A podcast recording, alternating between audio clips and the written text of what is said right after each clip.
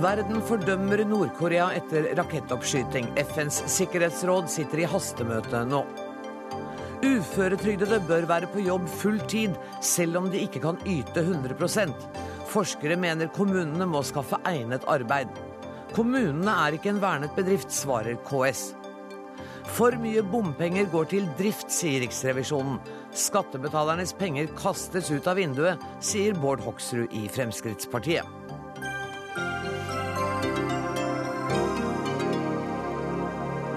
Dette er noen av sakene i denne utgaven av Dagsnytt 18, hvor vi også skal høre at det er den store jubileumsmarkeringen av Edvard Munch starter i dag. Men først. Nord-Korea har i dag gjennomført en vellykket rakettoppskyting, til tross for at FN har forbudt landet å drive med rakettester. Hele det internasjonale samfunn har protestert mot oppskytingen, og Japan ba om hastemøte i Sikkerhetsrådet. Og nå i ettermiddag startet rådet sitt møte. USA-korrespondent Anders Tvegård, er Nord-Korea eneste punkt på dagsordenen i dag? Ja, på dette hastemøtet så er det det, og det er et lukket møte. Her blir det krav om strengere straffetiltak mot regimet. Sikkerhetsrådet sa i april at de ville gå til neste skritt om Nord-Korea skjøt ut flere raketter. Akkurat hva neste skritt er, er eh, noe uklart, men USA mener at Sikkerhetsrådet kan stramme til sanksjonene enda mer. Iran har i dag strengere økonomiske straffetiltak mot seg enn Nord-Korea. Det er ventet at Sikkerhetsrådet fordømmer oppskytingen, og det også USA her i Washington eh, kaller en provoserende handling som truer den regionale stabiliteten. Hva slags økonomiske sanksjoner er det vi snakker om? For det er vel ikke noe særlig handel mellom eh, de andre landene og Nord-Korea? Nei, men det er, det er, mulig å utvide, mener USA, svartelista over personer og institusjoner. Eh, og sånn sett også forsøke å stramme og, og kutte pengestrømmen. Eh, det er også frysing av bankkonti i utlandet. Her er det Russland og Kina som i stor grad eh, styrer veien videre, og det er de landene som har mest innflytelse over Pyongyang. Mm. Og denne gangen ser det også, også ut til at Kina er eh, like krasse i sin kritikk som eh, de andre landene er. Kina er eh, med på og ser at noe mer må gjøres. Akkurat hvor hardt ut Kina kommer til å gå, eh, er eh, uklart. og Det er det også spenningen knytter seg til nå i Sikkerhetsrådet. Hvilken form en fordømmelse eller uttalelse kommer. Det kan også bli mer konkret om Sikkerhetsrådet setter seg til med å jobbe med en ny resolusjon nå. Her er det som nevnt Kina og Russland som i stor grad styrer veien videre. Men det betyr at det kan komme en enstemmig uttalelse fra Sikkerhetsrådet denne gangen? Det kan komme en enstemmig uttalelse, men om denne her kommer i form av en, det de kaller de har forskjellige grader av uttalelser, om det sendes ut som en eh, pressemelding, eh, en, en presseuttalelse, eller om eh, rådets president kommer ut og, og, og, snakker. Her er det forskjellige grader. og Det viser også hvor eh, alvorlig Sikkerhetsrådet ser på, ser på situasjonen. Tusen takk skal du ha, Anders Tvegård. Vi skal til Beijing, og der er du Asia-korrespondent Anders Magnus. Vi hørte her Tvegård si at det er vanskelig foreløpig å si noe om i hvor sterk grad Kinas, eh, Kina kritiserer denne oppskytingen. Vet du noe mer? Kina ønsker på den ene siden å ta sterk avstand fra det Nord-Korea har gjort. Men på den andre siden så vil de ikke stramme inn for mye økonomisk, fordi Kina er det eneste landet omtrent som støtter Nord-Korea, og Nord-Korea trenger denne støtten for at ikke regimet skal falle helt sammen. Det ønsker Kina å unngå. Da kan eh, Nord-Korea bli en del av Sør-Korea, og da kan eh, amerikanske tropper komme helt opp mot grensen til Kina, slik kineserne ser det. Og det vil man heller ikke. Så det er et vanskelig maktpolitisk spill for Kina, som eh, føler at Nord-Korea på mange måter ødelegger for den politikken de ønsker i dette området. Og likevel er det vel en ørliten justering av den politiske kursen i og med at Kina nå for første gang er tydelig i sin kritikk av sin allierte Nord-Korea? Ja da, de har vært veldig tydelige denne gangen. Og de sendte også et høytstående medlem av eh, det såkalte politbyrået i kommunistpartiet til eh, Pyongyang rett før eh, utskytingen. De møtte, denne utsendingen møtte Nord-Koreas leder Kim Jong-un og forsøkte å overtale ham til eh, å la være å sende opp eh, denne raketten. Når Kim Jong-un likevel beordrer raketten oppskutt, så betyr det at han for andre gang i løpet av et år, det året han har hatt makten, har trosset Kina. Så dette liker nok kineserne svært dårlig. Men er dette også en indremedisinsk, taktisk eh, handling fra Kim Jong-un fordi han da tror at han øker populariteten blant sitt eget folk? Ja, jeg tror han er så opptatt av populariteten i sitt eget folk. Han er jo en eneveldig hersker sånn sett over folket. Det som er viktig for ham, er at han øker sin anseelse blant de militære, som jo er den sterkeste maktfaktoren i landet. Ved denne rakettoppskytingen har han vist de øverste militære lederne at han er en tøffing. At eh, ingen kan eh, gå over ham, så å si. Og hvis han skal feste grep om makten, så er han nødt til å kontrollere militærledelsen og også hvis han ønsker å kunne gjennomføre økonomiske reformer som de militære anses å være imot, så må han først vise seg som en sterk mann før han eventuelt skal kunne klare å til så omfattende skritt som det er å endre på den økonomiske situasjonen i dette statskjørte landet. Takk skal du ha, Anders Magnus i Beijing. Henrik Stålhane Him, du er forsker ved Institutt for forsvarsstudier. Klarer han å vise at han er den sterke mannen ved å gjøre dette? Kommer de militære til å gi ham ytterligere støtte etter dette? Det er vanskelig å si, men eh, testen har jo til alt vært eh, vellykket. Så sånn sett så er det på mange måter en eh, seier for den unge Kim, dette her. De indre forholdene i Nord-Korea vet vi lite om. I hvilken grad de, dette vil styrke Kim innad og innenfor både partiet og militæret, er det vanskelig å, å, å, si noe sikkert om. Ja, for han blir i hvert fall ikke styrket internasjonalt. Og som vi hørte Anders Tvegård si, så er det Russland og Kina som i stor grad vil styre i hvilken retning Sikkerhetsrådet vil gå. Hvordan er forholdet mellom disse tre landene? Nå hører vi at Kina er noe kritisk, men de vil ikke bryte forbindelsen. Eh, ja, som, som, eh, man var inne på tidligere her, så er eh, Kina i en skvis her på veldig mange måter. Man er lei av provokasjonene fra Nord-Korea. De skader Kinas omdømme og, og, demonstrerer da at Kina ikke er i stand til å, å, å øve så mye innflytelse over Nord-Korea. På en annen side så, så, ønsker man ikke å svekke regimet eh, hvis regimet faller sammen. Hvis man tar for hardt i med sanksjoner og det rammer stabiliteten i området, så er man bekymret for at dette eh, kan føre til da en flyktningstrøm eh, inn over grensen mot eh, Kina, og et gjenforent Korea med USA eh, kanskje da tett opp til militært nærværende tett opp til Kinas grenser. Og det er marerittscenario for kineserne? Det er et veldig uheldig scenario, ja. Hvordan står Russland i dette? Russland har hatt en litt mindre betydelig rolle i sekspartsforhandlingene som gikk mellom 2003 og 2009. Det er Kina som har den potensielt sterkeste innflytelsen over eh, regimet i eh, Pyongyang. Eh, nesten all handel som foregår mellom Pyongyang og omverdenen, går gjennom Kina. Mm.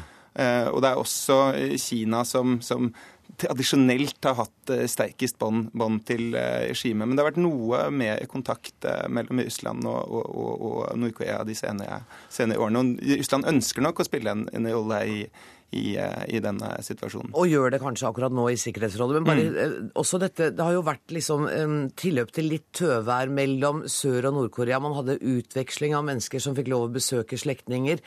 Det har det vært slutt på de siste, i hvert fall det siste året. Det er vel ikke noen grunn til å tro at det tøværet kommer til å gjenoppstå akkurat nå? Nei, eh, nå har jo Sør-Korea hatt eh, en eh, president sittende ved makten som har ført en forholdsvis hard politikk overfor eh, Nord-Korea, president Lim Yong-bak. Eh, det som er interessant, er at eh, Sør-Korea nå går til valg bare om kort tid. Ehm, så hvilken politikk den neste sørkoreanske presidenten vil føre, er jo eh, litt av et eh, åpent spørsmål. Men denne testen kan potensielt også ha innflytelse på valget i, eh, i Sør-Korea og gjøre at sikkerhetspolitikk kommer på, på agendaen. Mm. Halvard Sandberg, du er romfartsekspert og utenriksjournalist her i NRK. Hva sier dette om uh, den teknologiske utviklingen i Nord-Korea, når de nå har klart å få til å sende ut en satellitt?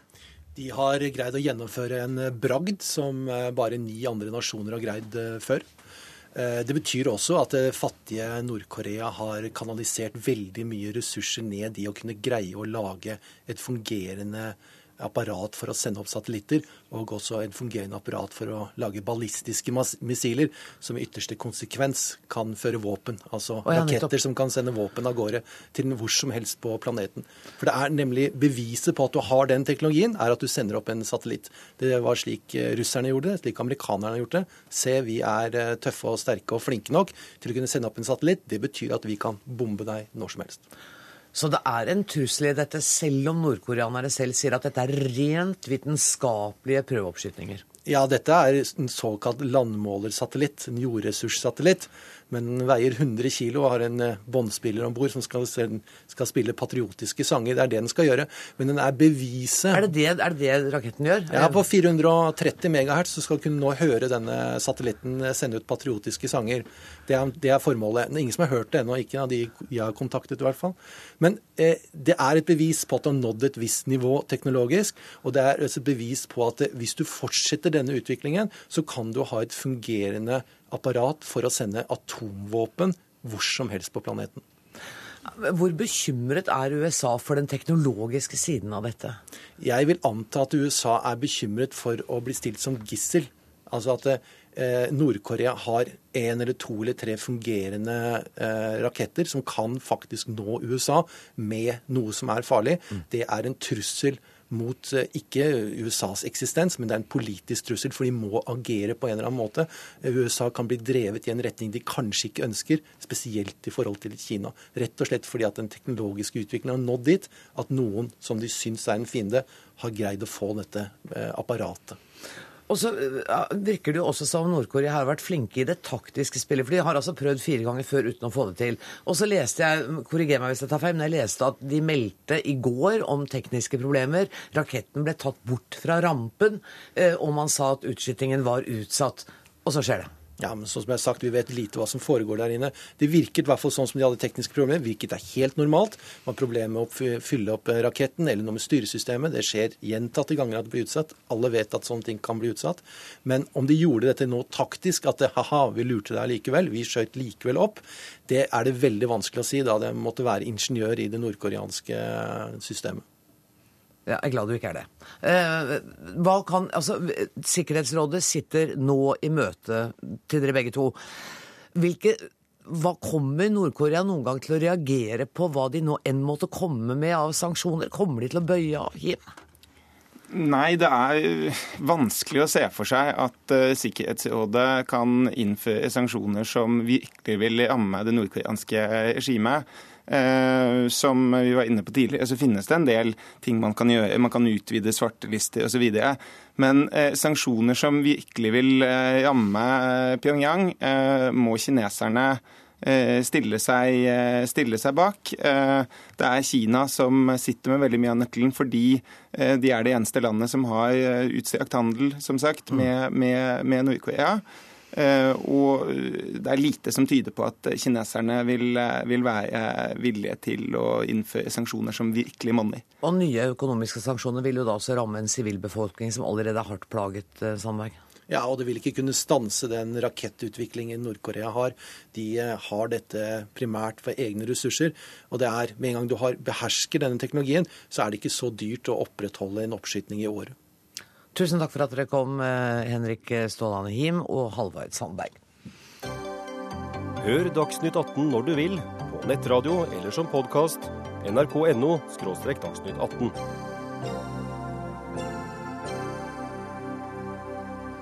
Nå til litt mer eh, hjemlige og nære forhold. For for mye bompenger går til drift av bompengestasjonene, sier Riksrevisjonen. Skattebetalernes penger kastes ut av vinduet, sier du, Bård Hoksrud. Og i fjor betalte vi altså 6,6 milliarder kroner i bompenger. 818 millioner av disse gikk til drift av selskapene. Du er jo, øh, skjønner jeg, relativt opprørt over dette, Bård Hoksrud, og mener at øh, revisjonsrapporten viser at skattebetalerne altså kaster bokstavelig talt pengene ut av vinduet, selv om vi ikke akkurat gjør det rent fysisk. Ja, De får i hvert fall ikke en eneste meter vei for alle de 818 millioner kronene. Det er mye vei. Eh, som man isteden burde brukt på å bygge vei, istedenfor å kaste bort på innkreving og administrasjon av Ja. Men du er ikke overraska over at det går en del penger til å sørge for at vi betaler eh, veiavgiftene våre, eller bompengeavgiftene våre? Nei, Jeg er ikke overraska, fordi vi vet at det koster å administrere. Men det er jo nettopp det Fremskrittspartiet også har sagt, at det koster mye penger å kreve inn bompenger. Og det er veldig mye som faktisk ikke kommer tilbake til veien. Det ene er jo administrasjonskostnadene og innkrevingskostnadene. Så kommer rentene på toppen av det, som man heller ikke får en eneste meter vei for. Eh, Og Riksrevisjonen dokument, eller påpeker at fem av ti selskaper ikke konkurranseutsetter tjenestene sine, og dermed så blir det mye dyrere. Og man mener at man kunne spart et sted mellom 150 og 200 millioner, som isteden kunne gått til vei, istedenfor å administrere bompengeselskaper. Og løsningen fra Fremskrittspartiet er Løsningen fra Fremskrittspartiet er å fjerne alle bomstasjonene, fordi det, er det ville være det beste. Og Ja, men da mister man jo over fem milliarder i året. jo, jo, men bilistene betaler inn 55 milliarder kroner til neste år, og vi bruker under 20 milliarder tilbake på veiformål i Norge. Så vi kan fint gjøre det uten at man må ha bompenger på toppen av dette her. Ok, men jeg synes vi akkurat i dag skal vi diskutere livet sånn som det faktisk er, og det er altså med, med bompenger. Og Anne Marit Bjørnflaten, du er nestleder i transport- og kommunikasjonskomiteen i, eh, for Arbeiderpartiet. Hvorfor koster det? For det er jo mye penger. De viser vel til i rapporten at fem av ti selskaper eh, har større utgifter enn inntekter. Ja, det er, vel ikke, det er vel ikke så mange selskaper som har større utgifter enn inntekter, men at administrasjonsutgiftene er altfor høye, det er det ikke noe tvil om. Jeg mener at det er helt uakseptabelt. Og bompenger er omstridt. Lokalpolitikerne ønsker å bruke bompenger nettopp for å kunne sette i gang med veiprosjekter. Det har jo også Frp støtta lokalt mange steder. Og da skal vi klare å ha tillit til en sånn type ordning, så må bilistene være trygge på at de får mest mulig vei igjen for de kronene de Ja, og bruker. hva- ja, det skjønner jeg. Nei, Og hva så gjør vi da? Jeg mener, for det første, I dag så har det gått ut et høringsforslag fra Statens vegvesen på å slå sammen antall bompengeselskaper. Ja, for det er, veldig, det er over 40. Ja, Bare i Hordaland er det 13 bompengeselskaper. Og det er helt unødvendig at du skal ha 13 bompengeselskaper som tar seg av den samme drifts- og administrasjonskostnadene. Så det å slå sammen til regionale bompengeselskap, kanskje til ett bompengeselskap, det har man gjort i Østerrike, men i hvert fall slå sammen til regionale, og så se på andre typer ordninger. Nå har vi innført obligatorisk brikke for alle tyngre kjøretøy. Annet for at eh, utenlandske trailere også skal betale bompenger. For det har de ikke gjort. Det er veldig mange som sniker i dag. Kanskje kan det være en løsning i framtida, å se på sånne type teknologiske løsninger. Men første skrittet må i hvert fall være at vi slår sammen bompengeselskapene og bare har en fem-seks regioner. Ja, for det var jo sånn at Noe av grunnen til at vi ikke skulle ha bemannede bomstasjoner, var at det skulle gå mer til vei. Og så viser jo da rapporten at fra 2005 til 2011 så har altså administrasjonsutgiftene i gjennomsnitt økt. Hva, hva, er det, der- hva bruker de penga på? Nei, de, det, det er ikke godt å si, men det brukes altfor mye penger på drift og administrasjon. Det er ikke tvil om det, og det er helt uakseptabelt. Vi skal ha mest mulig vei per krone. Jeg tror at bompengesystemet er kommet for å bli, selv om det skulle bli et regjeringsskifte til neste år. For Høyre har vært veldig tydelig på at de vil beholde det, og Frp sine lokalpolitikere ønsker også å benytte seg av det. Men vi er nødt til å få gjort noe med administrasjonsutgiftene. Hoksrud, dere er jo så hjertelig enige. Det er skjønt hvorfor du sitter og rister på hodet. Dere må få- Hun er enig i Jo, men- at dere skal få gjort noe med disse administrasjonsutgiftene. men, men, men dette kom også med Riksrevisjonen i 2008. Det er fire år siden. Riksrevisjonen kommer på nytt igjen nå. Vi er på slutten av 2012. Og det er altså de samme problemene som Riksrevisjonen påpekte i 2008, som de påpeker i 2012. Det høres tilforlatelig flott ut å gå ned kanskje til fem eller ett selskap. Utfordringen er altså at det er sånn i Norge at fylkeskommunene må ta opp lån veien for, for å bygge statlige veier. Det er ikke sikkert at det er fullt så enkelt at man bare kan si at vi har ett selskap eller fem selskaper. For i motsetning til Østerrike, hvor man da har gjort dette med ett selskap, så er det staten som låner pengene. Her er det altså fylkeskommunen som blir pålagt å låne penger for å bygge statlige veier. Det er jo totalt ansvarsfraskrivelse. Og så sender de regninga videre til bilisten, og så tar de seg dyrt betalt for å gjøre den jobben i bompengeselskapene. men det er en ørliten annen debatt enn den vi har invitert deg til i dag. Nei, ja, men, men det, er, det er litt det det handler om. Jeg skjønner at det henger sammen, men, men la oss holde fast ved dette. For du er vel også enig i at det er for mange selskaper i Norge i dag? Absolutt er det for mange, og ikke minst er det det at når regjeringa, når vi får alle bompengeproposisjonene til Stortinget, så utfordrer vi regjeringa skal vi ikke konkurranseutsette, for de har visst at det sparer man 20-25% av kostnadene på. Det vil ikke regjeringa kreve at det skal konkurranseutsettes. Så da vil jeg utfordre Bjørnflaten nå. Vi er være med på det å si at alle bompengeselskaper skal konkurranseutsettes. Det ene selskapet som her i Oslo, som er det største fjellinjen, kunne hvis de hadde vært på gjennomsnittet av de andre bompengeselskapene, spart over 100 millioner kroner i innkre, eller administrasjonskostnader hvert eneste år, som isteden kunne gått til å bygge vei eller kollektiv. Bjørnflaten, er det en god idé? Ja, altså jeg har ikke noe imot at man konkurranseutsetter bompengeselskaper, men nå har jo dette vært avgjort lokalt, så dette er jo noe som Bård Hoksrud egentlig burde tatt opp med sine partikamerater i Oslo og Akershus når det gjelder fjellinja. Kan vi ikke bare sørge for å gjennomføre det nå? Si at fra og med nå Det er to sto- stortingsproposisjoner som ligger til behandling i Stortinget som kom forrige fredag. Som altså koster 400 millioner i innkrevingskostnader. Da gleder jeg meg nå til å få Arbeiderpartiet med på laget og sørge for at det skal være konkurranseutsetting av de tjenestene. Jeg forventer at Bjørnflaten nå blir med på det. Hun blir jo det, hun sa jo det. Ja, ja, vi Jeg sier at jeg ikke har, jeg har, jeg, ja, jeg, tar noe for, jeg har ikke noe imot det. Det må være opp til å avgjøre det lokalt. Men at man også må være villig til å se på det, det er det ikke noe tvil om. Men det viktigste grepet er at vi er nødt til å kutte ut. Vi må få 40 Men bompengeselskaper du til kan å ikke bli si at vi må avgjøre dette lokalt når du sier at kostnadene er altfor høye. Anne Marit Bjørnflaten. Hvis kostnadene er altfor høye, så må vi gjøre noe med selskapsstrukturen. Vi må redusere utgiftene for bilistene. For dette er penger som bilistene heller burde fått til å bygge vei. Egentlig burde man fjerna hele bompengeordninga, for det viser altså Jo, hvor dyrt det er. Men, ja, men jeg har jo skjønt at dere er enige om at disse utgiftene skal ned, og man skal redusere antall selskaper. Da er det jo bare snakk om at dere gjør det, for det er jo riktig eh, som Hoksrud sier, at den forrige rapporten kom for fire år siden og sa det samme. Ja.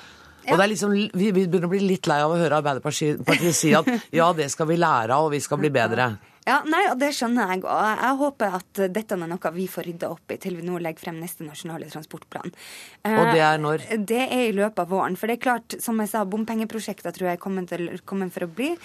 Selv om ingen liker det, men det er et stort ønske om å bruke det lokalt. Høyre har støtta oss på alle bompengeproposisjonene vi har lagt frem.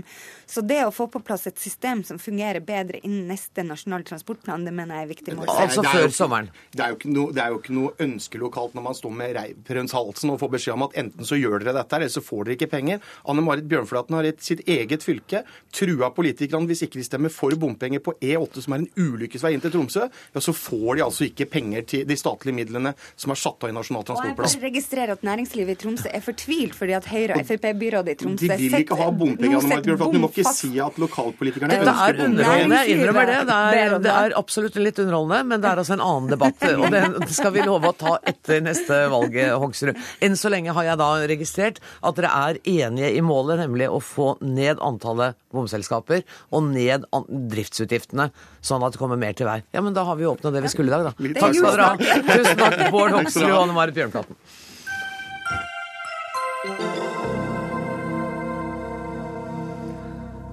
George Harrison kalte ham verdensmusikkens gudfar. Han inspirerte musikken til The Beatles og er blitt sammenlignet med Mozart. Den verdenskjente indiske sitarspilleren Ravi Shankar er død, 92 år gammel.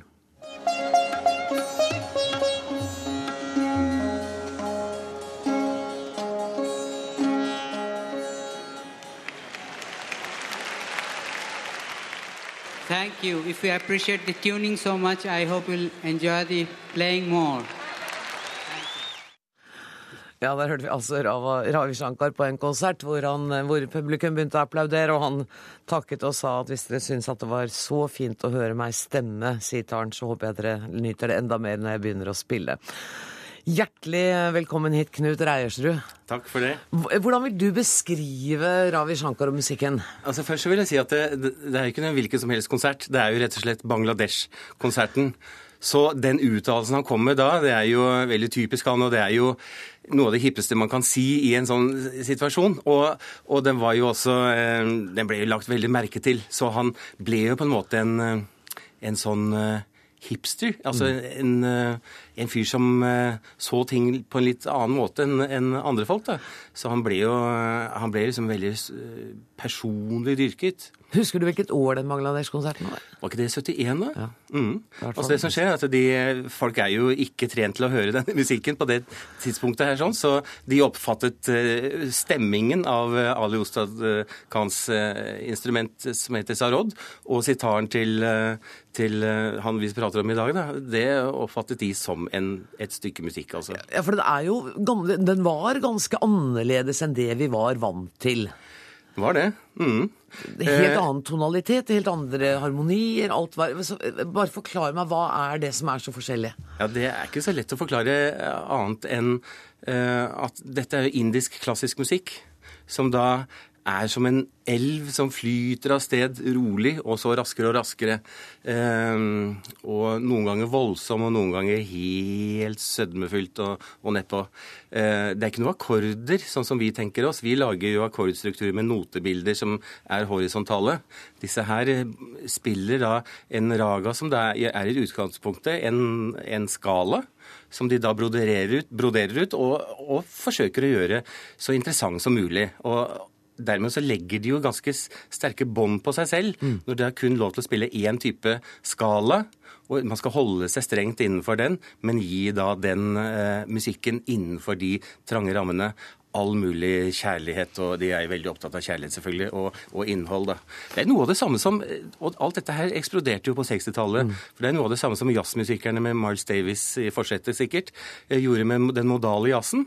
At man satte veldig sterke begrensninger på hva man kunne tillate seg harmonisk. Man skulle være innenfor en type modalitet, altså en type eh, skala. da.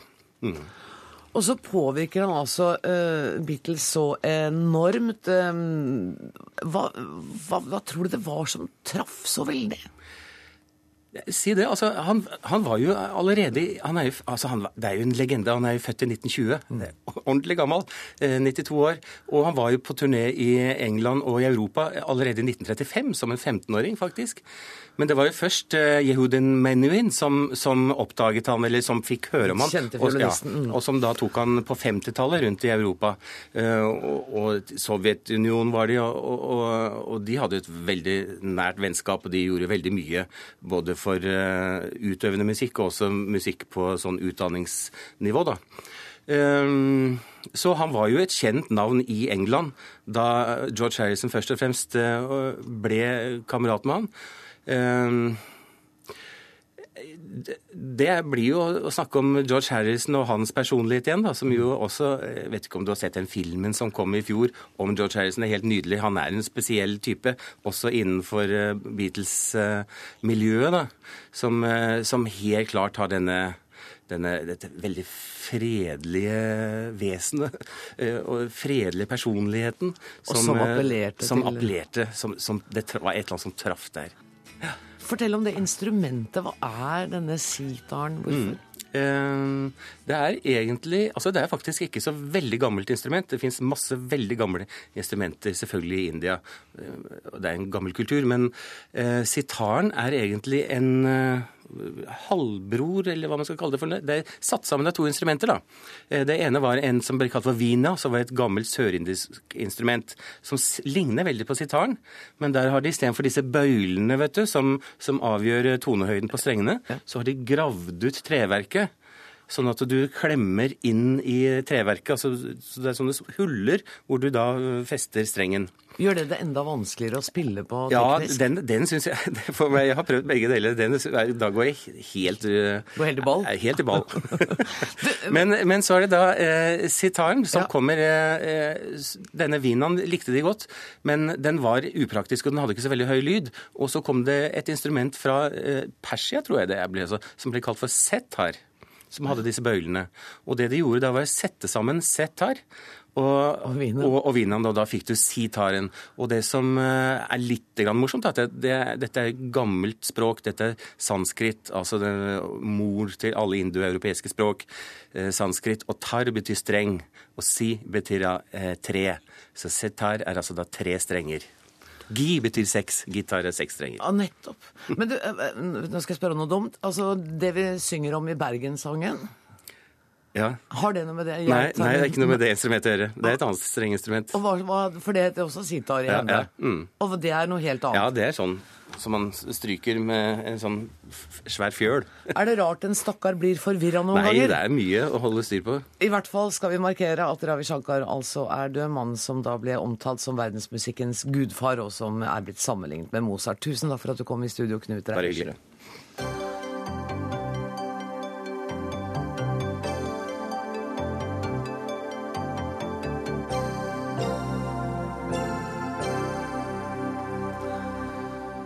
Norske myndigheter vil nå tillate enda trangere hønsehus, kan vi lese. Mattilsynet arbeider nemlig med å EU-tilpasse dagens forskrifter, som da skal gjøre det mulig å ha flere dyr per kvadratmeter. Marianne Kule, du er fagansvarlig i Dyrevernalliansen, og jeg har hørt at du reagerer kraftig på dette. Hvorfor det? Ja, Vi syns at det er tragikomisk at Mattilsynet nå foreslår enda dårligere plass for kyllingene, som jo har det veldig trangt fra før. Eh, Fordi at de begrunner det her med pris. Og det er jo ikke sånn at vi forbrukerne ikke ønsker å betale for at kyllingene skal ha det bra. Eh, Så vi oppfordrer innstendig Mattilsynet til å få utreda hvordan kan man få forbrukerne til å betale for dyrevelferd, i stedet for å la seg presse av næringa til å senke kravene i regelverket. Ja, for vi har jo også i Dagsnytt 18 snakket om at eh, det har vært skader på, på kyllingene. De har skader på føttene, de står for trangt, de får ikke brukt vingene sine. Torunn Knelsrud, du er seksjonssjef for dyrevelferd i Mattilsynet. Kommer de ikke da bare til å få det enda verre, og at dyrevelstanden blir enda dårligere? Altså, jeg er ikke enig i denne beskrivelsen av bakgrunnen for regelverket. Eh, Dette er jo et EU-regelverk vi skal innføre, og eh, det er vi jo faktisk forpliktet til å innføre. Og der er jo det høyeste tettheten som er tillatt, det er jo opptil 42 kilo per kvadratmeter. Så vi legger oss betydelig lavere enn det. Men Men 42 kilo er vel unntakene også i de EU-reglene? Ja, du må oppfylle en del krav for å få, få lov til det. Ja, for snittet ligger vel på noen og 30, gjør det ikke det? Ja, det, det er nok høyere enn det. Altså, det er flere grenser der. Okay. Og jo høyere du går, så jo flere ekstra krav eh, må du oppfylle. Men vi har i iallfall da valgt å legge oss på 36 kilo. Men tettheten er jo bare én del av det hele. 36 kilo, la oss billedliggjøre dette, for det er 36 kilo levende vekt som det heter. Hvor mange dyr er det i snitt per kvadratmeter? Vi må jo forholde oss til slakteferdig kylling, da, ikke når de er bitte små. Nei, Eh, Så vi snakker om en eh, par og tyve dyr per kvadratmeter. 22 dyr per Ja. kvadrat, for eksempel. Ja. Og det er etter deres syn akseptabelt. Hva er situasjonen i dag? Hvor mange dyr cirka er det i dag per kvadratmeter? I dag er det ca. 19. Men i dag har vi da heller ikke de ekstra andre eh, velferdskravene som kommer med det nye regelverket. Hva slags krav er det? Ja, for det, det aller viktigste er jo at skal du ha mer enn 25 dyr, eh, unnskyld, 25 kilo per kvadratmeter, så må du eh, skrive en kontrakt hvor du inngår i et velferdsprogram som næringen har utviklet. Eh, og som da innebærer eh, veterinærtilsyn og eh, eh, ekstra journalkrav. Eh, Og du må også følge et såkalt eh, fothelseprogram, hvor man ved slakting undersøker bena på et eh, antall av kyllingene for å lage en skår ut av det. Og da vil man få et, eh, en overvåkning av dyrevelferden i dette huset på en helt annen måte enn det man har per i dag. Marianne Kulle, det høres ut som en bra idé, da. Eh, Det er trist at Mattilsynet prøver å fremstille det som at dette er et positivt budskap, at kyllingen får det bedre. For deres eget eh, vitenskapskomitéutvalg, de, faglige rådene de sjøl får, fraråder at dyretettheten skal økes. Og de sier at det hjelper ikke å gjøre de her tiltakene. Kyllingen vil fortsatt ikke kunne ha god dyrevelferd når det blir så trangt. Eh, Det er jo faktisk sånn at EU er tydelig på at eh, det er helt opp til Norge å bestemme hvor hvor mye plass kyllingen skal ha det. Og det Mattilsynet nå likevel har gått inn for, det er at eh, kyllingen skal ha nesten 50% flere kyllinger per kvadratmeter enn det vi har i dag. Nei, det blir enn det vitenskapskomiteen ønsker og mener er akseptabelt. ja, det blir jo ikke det. Nei, to kilo mer enn det vi har i dag. Enn det vitenskapskomiteen mener er forsvarlig. Ok, Men går dere imot deres egne faglige råd fra Vitenskapskomiteen? Eh, Vitenskapskomiteen er ikke Mattilsynets råd, det er et okay. uavhengig organ som vil lage risikovurderinger. Eh, De gir oss ikke sånn sett råd, de sier noe om risikoen for dyrevelferd.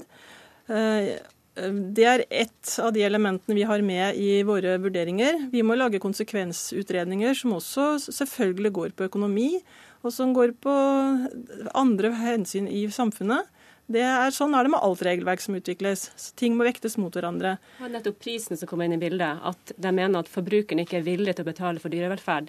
Sånn at forbrukeren blir fremstilt som den egoistiske, som sier at de er opptatt av dyrene, men når de kommer i butikken, så velger de likevel den billige kyllingen. Og det er jo det Mattilsynet må ta tak i, da. Og få folk til å forstå hvordan de skal betale for bedre dyrevelferd. Er dette en riktig beskrivelse av virkeligheten? Jeg opplever ikke det som en riktig beskrivelse av Mattilsynets mening. Mattilsynet mener ikke dette. Det er eh, vist gjennom mange undersøkelser at dette å få mange nok forbrukere til å kjøpe en dyrere variant av mat, det er faktisk ganske krevende. Nå er vi egentlig inne på landbrukspolitikk, ja, så, og ikke på vårt dyrevelferdsanliggende. Så, så, la oss la det holde. Men, men hvis det ikke hadde vært slik at dette var EU-regler som vi var nødt til å følge, ville Mattilsynet ønsket at vi kunne opprettholde dagens ordning og ikke økt antall dyr per kvadratmeter? Jeg syns vi skal fokusere på at vi eh, for de kyllingene som er opptil 34 kilo, som er dagens grense, så kommer det en god del nye eh, bestemmelser som vi ikke vi har i dag. Så det er akkurat fra 34 til 36 kilo at eh, det blir noe vi ikke har i dag. En noe tettere øket tetthet, men også med større krav til kompensatoriske tiltak. Vil dyrevelferden bli svekket med de nye reglene? Vi mener at det er veldig mye som vil tilsi at det vil eh, kunne bli bedre, fordi man får en bedre overvåkning. Og det er jo ikke automatikk at man får 36 kilo. Man må faktisk oppfylle en del krav, og det må dokumenteres gjennom dette helseprogrammet. Men hvorfor er ikke den overvåkningen helt obligatorisk for alle? Også de som har færre antall eh, Det er det. Fra 25 kilo blir det den obligatoriske ja, Men under 25, da? Det er vel knapt noen som kunne tenkes drive. å ha, drive på det. Det er ikke økonomisk forsvarlig. Da snakker vi om en litt annen type drift. Marianne Kule, hadde det ikke vært fornuftig av dere nå å si at ja, men da venter vi og ser til disse reglene kommer, og så ser vi på konsekvensene? Eh, nå var det jo sånn at Mattilsynet avdekka med en tilsynsrapport i fjor at det var masse dyrevelferdsproblemer i norsk kyllingindustri. At det var Texas, folk hadde ikke kunnskap og hadde ikke tilsyn med dyrene. Sånn at de her såkalte eh, bransjekravene som nå kommer, burde jo vært innført uansett. Jo, men nå og, de jo, og de skal jo ikke legitimere at man skal innføre dårligere plass for kyllingene. Fordi bransjestandarden, som de kaller så fint dyrevelferdsprogrammet, er jo kun eh, ett veterinærbesøk i året det er fortsatt lov at kyllingene får sviskader under føttene. Det er bare satt en eh, maksimumgrense for hvor stort antall. Det er eh, fortsatt umulig for kyllingene å ha et liv der de får mosjonert, sånn at de får beinlidelser. Og det er ingen oppfølging av at kyllingene skal slippe å få magesår eller ikke få beveget seg. Men dere i Mattilsynet mener at med de nye reglene så vil også ettersynet bli bedre? Vi mener at hvis, når regelverket etterleves, så er det strengere betingelser. Og det blir feil å fremstille som at vi tillater sviskader. Vi snakker om et overvåkningsprogram som kan si noe om tilstanden hos denne oppdretteren. Det vil selvfølgelig være andre typer tilsyn som går eksakt på hvordan denne enkelte oppdretter driver. Så dette er i grunnen to forskjellige ting. Mm. Der må vi sette strek for debatten i denne omgang. Vi kommer helt sikkert til å snakke om dette igjen. Tusen takk til Marianne Kule, fagansvarlig i Dyrevernalliansen, og Torunn Knevelsrud, seksjonssjef for dyrevelferd i Mattilsynet.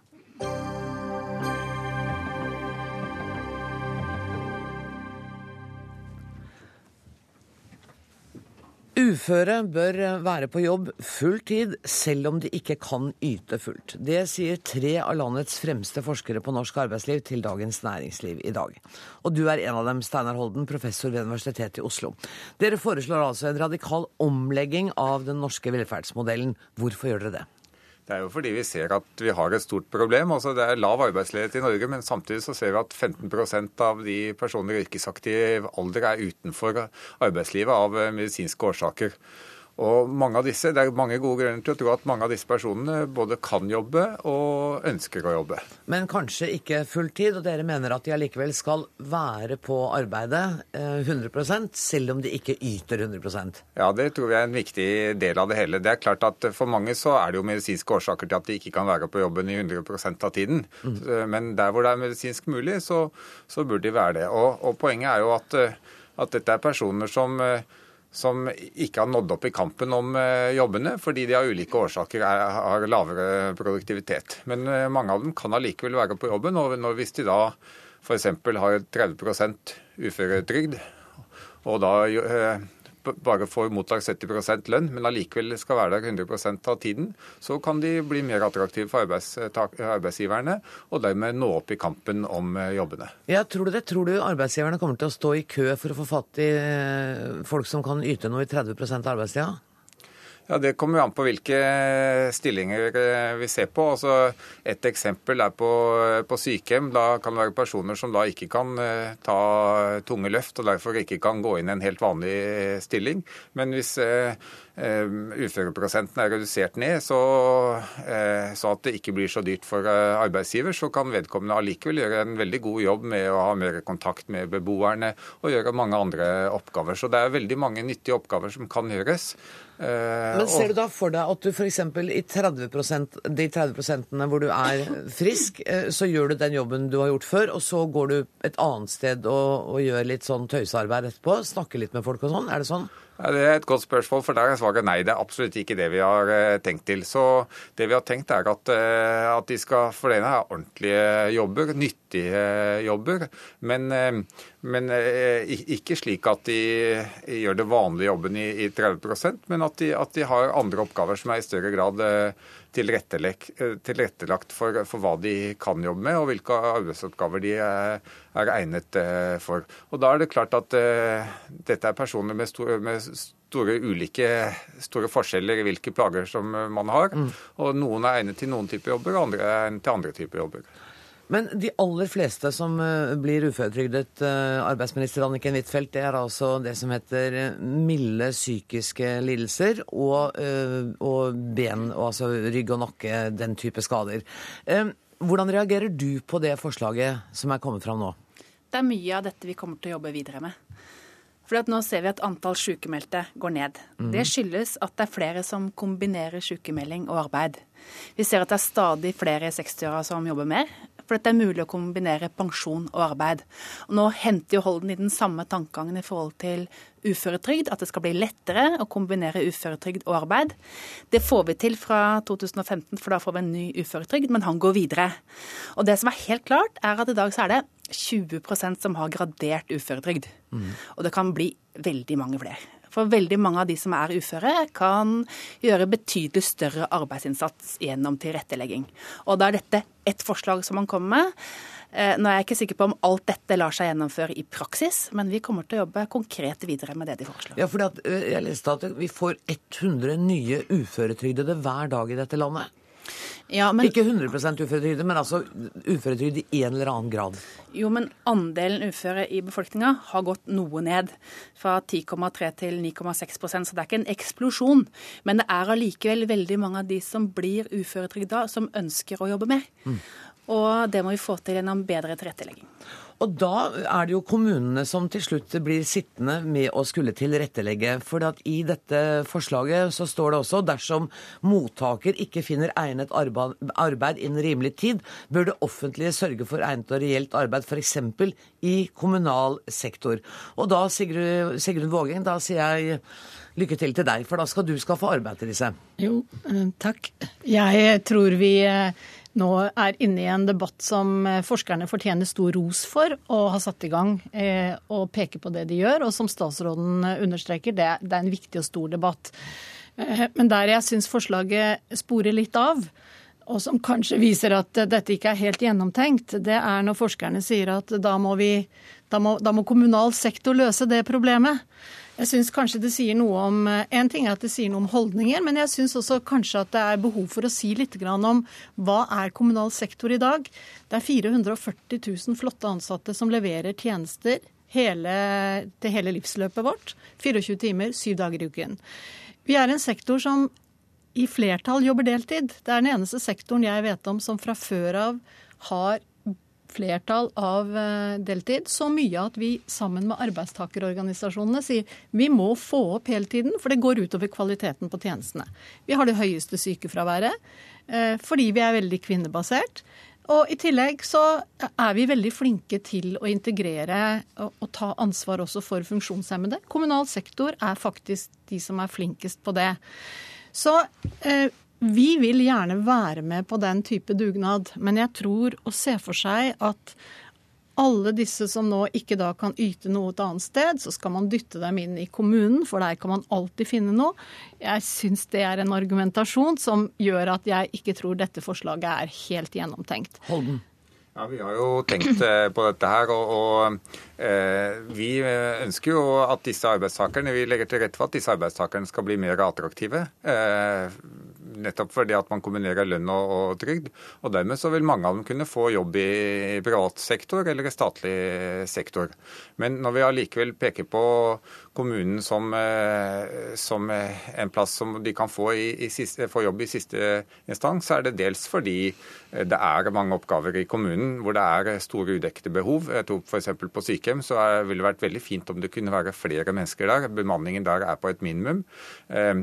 Eh, I kommunene er dyktige arbeidsgivere og vil være godt egnet til å, å, å hjelpe folk eh, inn som man kan trenge spesiell tilpasning, men som allikevel vil gjøre en eh, god jobb. Så er det også et poeng at, at, at personer som har problemer med å finne en jobb, at de skal vite at det er i siste instans så kan de få en jobb.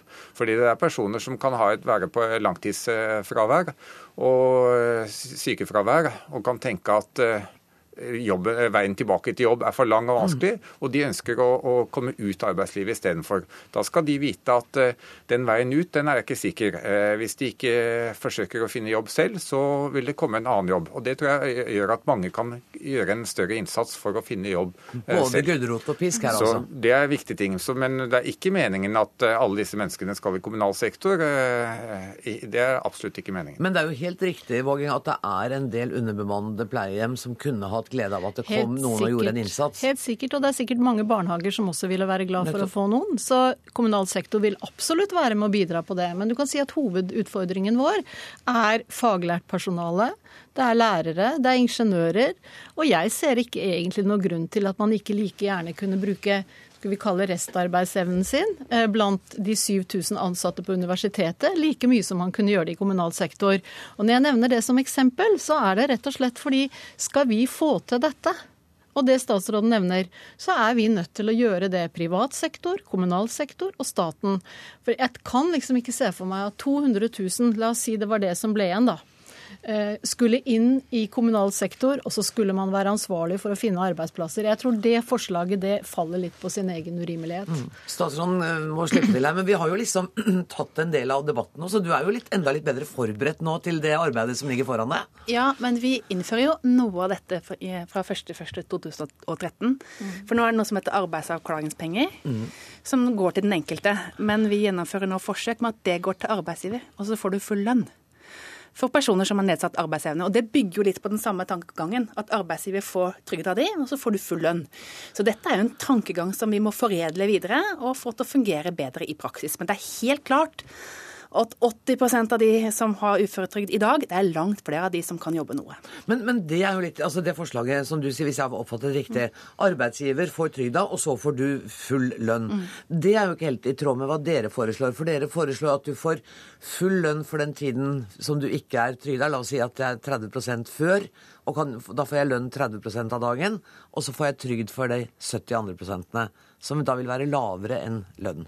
Ja, så, eh, så du er uenig med statsråden her? Eh, ja, altså Det er ikke den ordningen som vi har foreslått, det, det, som de gjør, selv om det er store eh, likheter. Og, og jeg tror nok at, at, eh, at, det er riktig i hovedsak at har de betydelig lavere produktivitet, at de da får eh, også noe lavere betaling totalt. At de får lønn for noe og, og trygd for noe. Samlet vil de jo komme mye bedre ut enn i dag, hvor de er, eh, i stor grad er på full eh, trygd. Men la meg bare korrigere én en, en, misforståelse her som er meget forståelig. Altså, det, vårt forslag er jo knyttet til strømmen av nye uføretilfeller. Så, så, det er 300 000 i beholdning nå, men det nytter ikke å finne jobb til alle dem. Så, så, det er ikke 200 000 vi skal finne, men det er jo et mye, mye mindre jo, og Til antall. det så har vi jo et utmerket arbeids- og velferdsdirektorat. Vi har gjennom avtalen om inkluderende arbeidsliv stilt mange plasser til disposisjon, som jeg vet både privat sektor og kommunal sektor ikke klarer å fylle opp. Så jeg tror vi har en jobb vi må gjøre sammen. Ja, men Det kan dere gjøre sammen. Men jeg har jo lyst til å gå tilbake til det. For jeg synes, eh, det statsråden sier, at, at du skal få full lønn. Eh, det er det jo mange som vil reagere på. Du yter 30 av arbeidsdagen, men du skal få full lønn allikevel. Ja, men Det er jo et forsøk som vi gjennomfører. og Dette har jo vært forsøkt også i Danmark. Og Da var ordninga ganske raus i starten, kanskje for raus, men vi må jo finne en balansegang ikke sant, som er hensiktsmessig. Men det som er det viktigste, er jo at når du begynner å hangle, så er vårt system i dag i for stor grad slik at da er du helt utafor. Og har du vært helt utafor arbeidslivet i tre år, da er det liten sjanse for at du kommer inn igjen. Men hvis du kan få en delvis uførhet, og at du kan jobbe noe, så er det langt bedre. Og det er den samme tankegangen som har gjort at vi har fått ned sykefraværet. Og det må vi bli enda bedre til for å hindre at folk blir 100% uføre. Og hvordan den økonomiske eh, kompensasjonen skal være, den får dere da diskutere litt. Eh, jeg regner med at disse forslagene fra forskerne kommer dere til å drøfte nærmere, alle tre? Allerede gjort i dag på kontoret. Har dere? Mm. Fortell hva dere, hva dere konkluderte med der, da. Ja, At det er litt vanskelig å si at uh, folk skal ha samme type jobb som i kommunal sektor. Mm. Uh, fordi at uh, det er spørsmål om hvordan det skal forholde seg i forhold til andre arbeidstakere. Så vi må jobbe i å foredle dette her i praksis og se på erfaringer fra andre land. Og det må dere gjøre ganske fort, for det begynner å haste? Holden? Ja, og eh, Der eh, vil man ofte tenke på at disse skal ikke ta jobben fra andre arbeidstakere, men det er feil tenkning. Disse skal ta vanlige jobber, og da vil de ta jobben fra andre arbeidstakere. Men nå er det mangel på arbeidskraft mange steder i Norge, så arbeidstakere som da ikke får de jobbene som blir, eh, da blir tatt av de uføre, de vil ofte kunne få andre jobber. Så vi, vi må ikke være redd for at, at disse personene tar jobben fra andre. Vi må sørge for at de kommer inn i det vanlige det blir en vinn-vinn-situasjon. Vet dere hva kjære er nødt til å sette strek? Du er enig i det, Vågeng? Ja, det er jeg enig i. Tusen takk for at dere kom, Steinar Holden, Anniken Huitfeldt og Sigrun Vågeng.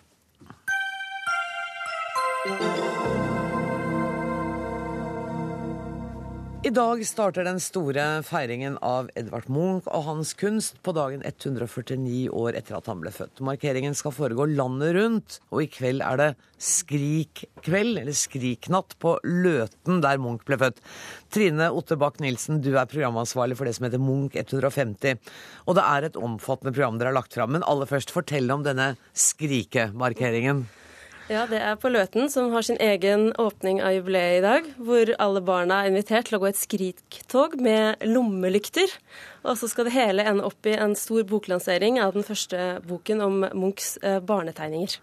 Og eh, det begynte klokka seks, gjorde det ikke det? Det begynte klokken seks. Du har ikke hørt noe referat ennå? Nei, jeg har ikke det. Nei, Det blir spennende. I tillegg til Løten så skal Munch til Svalbard i en koffert? Eh, han er allerede kommet til Svalbard. Er han det, du? Ja, og Kofferten åpnes eh, for publikum i kveld. Eh, de som var til stede på lanseringen av programmet i dag, var så heldige å se overføringen derfra, hvor man så den ble åpnet eh, inne på Svalbard museum. Og det er et uh, selvportrett av ham? Det er selvportrett med sigarett fra 1895. Hvilke andre steder i Norge er det da som får glede av Munchs arbeider nå? Uh, du rekker ikke å ramse nei, opp alle. Det er veldig mye. Munch Koffert skal jo reise sørover gjennom hele landet, og så til slutt ende opp i Oslo, så den kommer med på jubileumsutstillingen, som åpner i juni. Som blir høydepunktet. Det blir høydepunktet. Fortell om den, da. Oi. Det er eh, rundt 240 verk. Eh, nå er jo dette samarbeid mellom Nasjonalmuseet og Munch-museet, som til sammen har verdens største Munch-samling. Eh, I tillegg så kommer de til å låne inn rundt 60 verk. Eh, så dette blir den store, unike opplevelsen til å se Munch i full bredde. Eh, I tillegg så vil den utstillingen folde seg ut i Oslo, til Ekely, til Freia-salen på Rodeløkka og til Universitetsaula. Mm. Men, men, hovedarenaene er altså Nasjonalmuseet og Munch-museet? Ja, utstillingen er todelt. Ja, nettopp. Mm. Du, um Munchs, eh, jo, jeg kan ikke huske at det har vært så mye oppmerksomhet og så mye bøss rundt Munch-navnet. Ikke bare pga. lokaliseringen av nytt museum, men i det internasjonalt har du også inntrykk av at jeg leser mer om Munch nå enn jeg har gjort noen gang før. Hvilken relevans har han? Hva er det som gjør at han er så aktuell? Det er jo vanskelig å si, men altså, han har jo laget noen motiver som jeg tror eh, er blitt tidløse. De har noe ikonisk og gjenkjennelig over seg, som man veldig lett eh, henger seg opp i. Og kanskje noen kjenner seg igjen i noen av disse. Og de er jo også ganske tvetydige, tror jeg, så de blir ikke så fort kjedelige. rett og slett. For du er enig i at den internasjonale interessen er større enn på lang tid? Ja, den er veldig stor. Spesielt med salget av Skrik i New York, selvfølgelig, som ja, ga store rekorder. Dere begynner altså Denne katalogen over alt som skal skje, ble lansert i dag. Noen vil si det var i siste lita. Den er ja, veldig fin. Er så vidt bladd i den.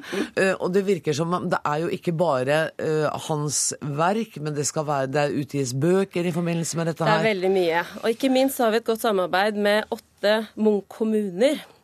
Eh, Det finnes jo åtte steder i Norge, kommuner, hvor Munch har et forhold til. Enten ved at han har bodd der, arbeidet der, eller familien er derfra. Og hvis jeg kan fort ramse ramse dem opp, så gjerne. så er det Løten, Oslo, det er Hvitsten med Vestby, det er Moss, det er Fredrikstad, det er Kragerø, det er uh, Horten og Vågå. Der kom, der kom alt. Og alle skal vi oppleve noe med Munch i løpet av det nærmeste året.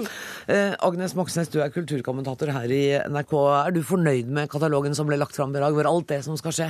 Ja, Ja. det absolutt. Altså, det er morsom og mangfoldig og, og, og ja, artig på et vis sammensetning av ting fra den store, store jubileumsutstillingen til de bitte små arrangementene.